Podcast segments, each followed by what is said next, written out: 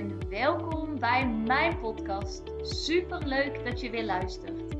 Mijn naam is Bente en ik zie het als mijn missie om mezelf en zoveel mogelijk anderen te helpen naar hun droomleven. In deze podcast heb ik het over hoe je een succesmindset ontwikkelt, wat de wet van aantrekking is, hoe je deze voor je laat werken en hoe jij stappen kunt zetten richting jouw droomleven. Laat jij mij jou inspireren en ga jij mee op reis van persoonlijke ontwikkeling? Let's go Dio!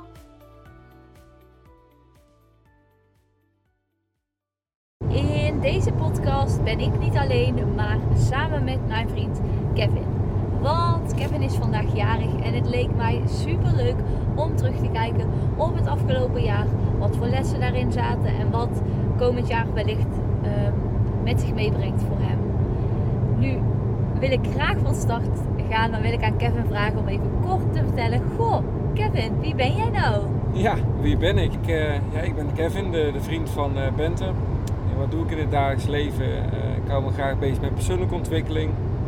Ja, Bente en ik zijn vaak in de natuur te vinden. we houden allebei van te groeien en dingen met elkaar te delen, waardoor we eigenlijk ook de beste versie van onszelf in elkaar naar boven kunnen halen. En natuurlijk in het dagelijks leven ben ik werkzaam als hypnotherapeut. En ik vind het heel erg belangrijk om de kern van een probleem achter te halen. Want ik ben zelf van overtuigd, uh, als je niet met een probleem geboren bent, dat we ook heel snel vanaf kunnen komen. En als je wel mee geboren bent, dan is het ook interessant waar komt het vandaan. Komt uit de familielijn of misschien zelfs wel uit een vorige leven. Oké, okay, nou bedankt voor deze introductie. Een hele mond vol. ja. Hé, hey, maar jij bent uh, vandaag jarig en uh, hoe oud ben je geworden? Ja, 33 Lentes jong alweer. 33, nou dat is wel een mooi getal. Ja, het klinkt ook heel lekker toch? Ja, zeker. hey, en als je dan zo terugkijkt op uh, het afgelopen jaar en misschien ook wel de jaren daarvoor, hoe voelt 33 dan voor jou? Is dat echt een, een getal wat, wat je ook bij jezelf vindt passen? Of?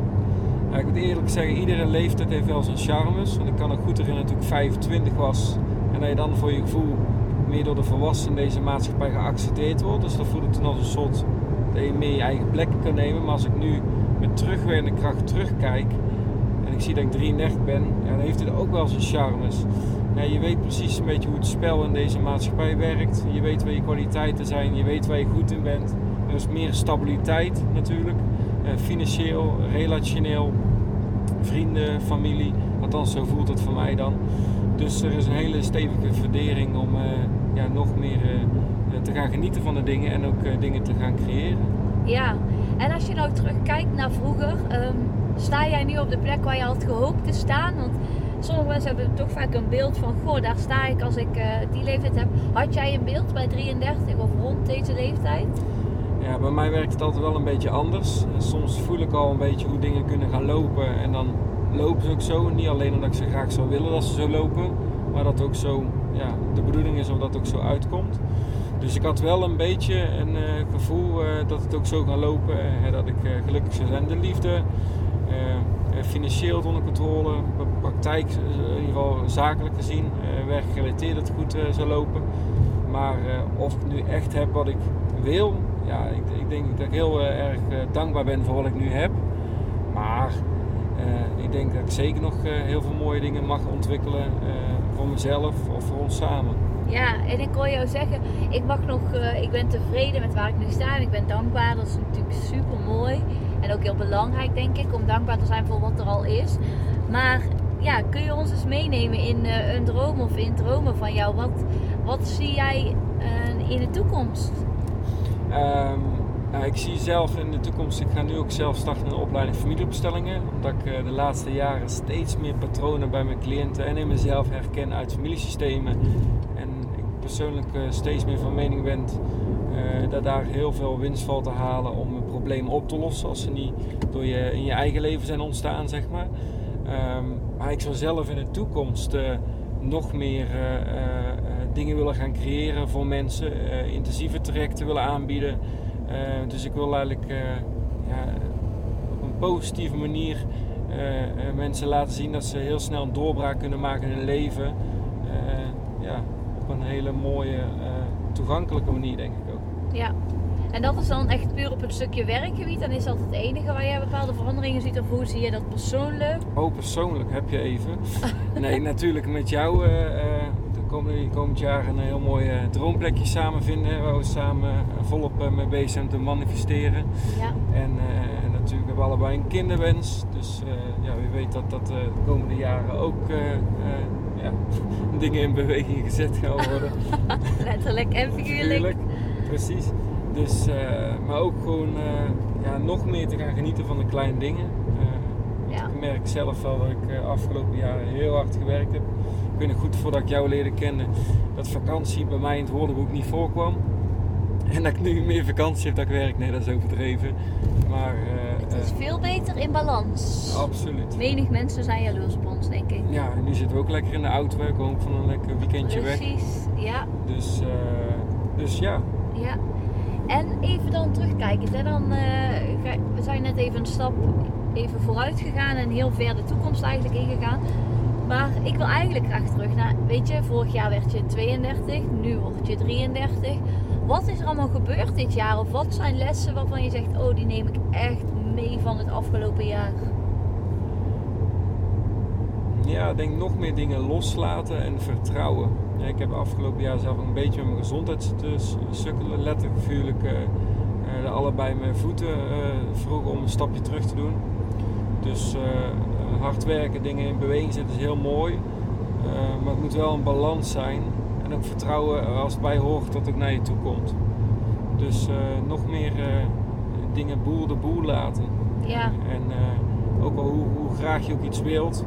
Ehm, je 100% inzet is al meer dan voldoende. Je kunt jezelf 105% inzetten, maar het komt toch niet eerder dat het mag zijn. Ja, en ik hoor jou zeggen van, als de bedoeling is, dan komt het naar je toe. Kun je dat eens uitleggen? Want ik denk dat voor veel mensen, ja, wat bedoel je daar precies mee? Ja, uh, wat bedoel je daar precies mee? Kijk, je kunt heel graag, heel graag iets willen, maar of het echt goed voor je is of bij je past, dat is iets anders. bijvoorbeeld, je kan heel graag, eh, ik noem het miljonair zijn, maar maak miljonair zijn je dan echt gelukkig bijvoorbeeld. Of uh, je kan heel graag succesvol in je werk willen zijn. Heel leuk bijvoorbeeld een titel als manager. Maar gaat die manager dan echt jou het grote geluk geven waar je dan echt op hoopt? En het, soms is het ook heel belangrijk om af te vragen, wil ik dit nou echt? Uh, omdat ik dan echt het grote geluk vind in mezelf? Of is dit omdat het ja, iets is wat, wat voor jezelf geconditioneerd of aangeleerd is uit de maatschappij. Ja, en hoe doe jij dat dan? Hoe kom jij erachter of het iets is wat geconditioneerd is of dat het iets is wat vanuit jezelf komt? Hoe merk je dat verschil? Als het me geen energie kost en ik krijg energie van en het gaat me makkelijk af, dan weet ik dat ik op de juiste weg zit. Oké, ja. En eh, merk je dat ook dat het je makkelijk afgaat op het moment dat het wel iets nieuws is of zo? Ja, je hebt natuurlijk ook uh, gezonde spanningen. We hebben allemaal onze comfortzone waar, waar, ons heel weinig energie kost, dat dingen heel makkelijk gaan. Uh, maar soms, uh, bijvoorbeeld, ik stel het voor, je bent nu gewend om te spreken voor 100 mensen in de zaal en je gaat in één keer naar 2000 mensen. En je moet dat gaan doen en je voelt daar een spanning voor. Dat is heel natuurlijk, heel gezond. Dus dat is een gezonde manier van spanning om dingen in beweging te zetten. Maar stel het voor, je wilt heel graag een succesvolle praktijk hebben. En je bent altijd teleurgesteld, je bent heel aan het adverteren en je krijgt heel weinig cliënten. Ja, misschien is die, die droom niet helemaal helder hoe je hem uit mag gaan voeren. En misschien mag je wel op een hele andere manier cliënten gaan behandelen. En misschien heb je nu een heel dure praktijkruimte en misschien mag je het wel online gaan doen. Of mag je juist met mensen thuis gaan behandelen, dat dat meer de vorm is die bij je past bijvoorbeeld. Ik, ik, ik pak even ja. vanuit mijn eigen leven gezien. Ja. En terugkijken naar het afgelopen jaar en uh, nou, eigenlijk het komende jaar. Kijk, we hebben natuurlijk net in de verre toekomst uh, gekeken. Is er ook iets wat je zegt van nou, dan ben ik 33. Dat is iets waar ik echt nog wel aan wil werken het komende jaar. Naast het... ja, nog meer scheid aan de mensen krijgen, om even heel plat te zeggen. en wat bedoel ik daar precies mee? Ja, onbewust passen we ons eigen allemaal aan. Uh, zijn allemaal sociaal wenselijk opgevoed van de normen en de maatschappij ja, en wat ik persoonlijk dan heel erg uh, belangrijk vind om te echt te kijken van wat wil ik nou en wat wil de maatschappij. Dat we allemaal op een bepaalde manier onze eigen klein beetje aanpassen is heel fijn. Hè? Anders wordt het helemaal een één grote rotzooi in de maatschappij. Maar wat van de ander goed is, hoeft voor mij niet goed te zijn of voor jou goed te zijn. Ja, ja dat is wel een hele mooie. Dat is ook waar ik een tijdje geleden, toen wij uh, ook weer op vakantie waren in Griekenland. Ja. Het ging over, uh, daar heb ik volgens mij geen podcast over opgenomen, maar wel op Instagram had ik het daarover van. Uh, wij reden toen op de scooter in Griekenland, en misschien weet je het nog wel. En uh, wij reden heel, of jij reed heel netjes en alsnog toeterde er iemand naar jou. Ja, oh ja. En toen ja. zei je tegen mij, wat doe ik nou fout? Een beetje lichtelijk gefrustreerd. En toen zei ik, weet je, zo werkt het gewoon in de wereld. Je kunt nog alles goed doen, alle regels volgen. En nog steeds zullen er mensen zijn die er een mening over hebben. Dit is een beetje zoals hoe het in het leven werkt.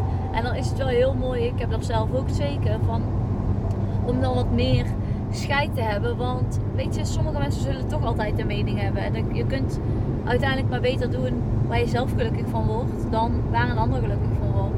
Absoluut, maar het is altijd makkelijk gezegd dan gedaan natuurlijk. Ja, precies. Ik wou zeggen van, goh, heb je daar nog tips voor? Of zijn er dingen die jij zegt van, die ga ik daarvoor ondernemen om ervoor te zorgen dat ik daaraan werk? Ja, wat ik zelf heel vaak doe is, dan, dan ben ik iets aan het doen en dan stel ik mezelf de vraag, eh, doe ik die nou echt omdat ik er echt zelf heel blij van word? Of doe ik dit onbewust om een goed gevoel van de ander te krijgen? Dus stel eens voor, uh, uh, je bent uh, op, op een verjaardag en je hebt een heel mooi cadeau voor die persoon gekocht. maar je bent heel de week er al mee bezig geweest. En doe je dat dan echt omdat die persoon daar echt, echt naar op zoek is? waardeert hij de werk? Of doe je het echt om gezien en gehoord en, en erkend te worden bijvoorbeeld? Ja.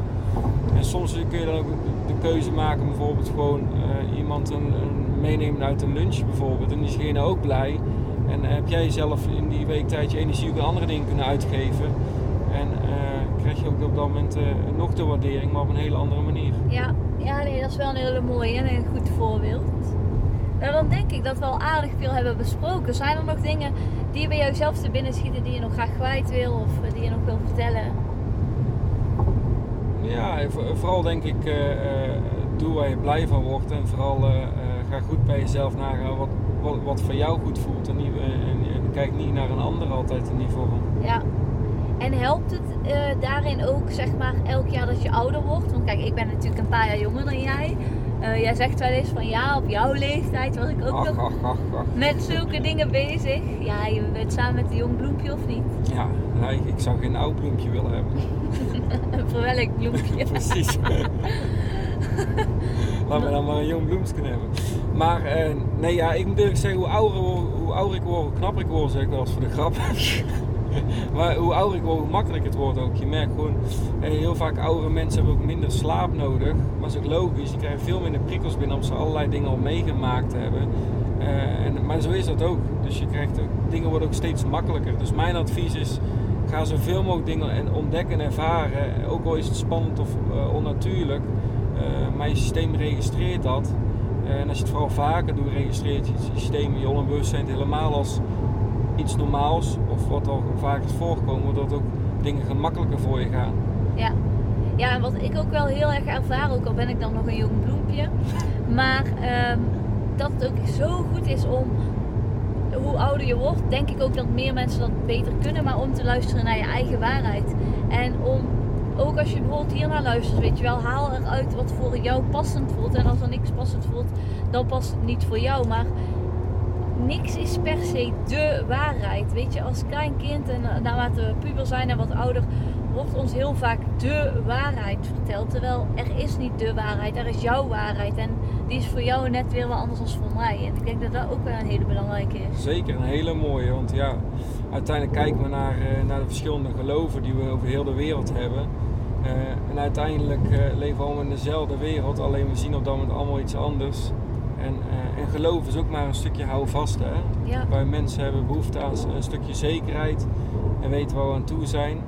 En uh, het voordeel is als je uh, ergens in gelooft, heb je een, een soort schijnveiligheid, zei ooit een astroloog tegen mij. Ja. En dat is ook zo eigenlijk, want wat ik vijf jaar geleden geloofde, geloof ik nu niks meer van. Ja. En ja, zo is ook de ene wetenschappelijk onderzoek naar het andere wetenschappelijk onderzoek. Uh, kunnen ze hetzelfde onderzoeken, maar het tegenovergestelde bewijzen aan elkaar. Dus ja, wat is nou net wat je zelf net zei, wat is nou de waarheid? Er, is geen één echte waarheid, er zijn meerdere waarheden. Alleen geloof wat voor jou eh, goed voelt. Ja. Nou, ik denk dat wij eh, langzaam gaan afronden. Kun je even lekker verder feest gaan vieren en ik ook. Super leuk dat je in ieder geval vandaag eh, bij mij in de podcast wilde komen. En eh, wie weet eh, horen jullie Kevin en mij binnenkort eh, wel nog een keer. Tot de volgende keer. Tot de volgende keer. Doei doei! Doei!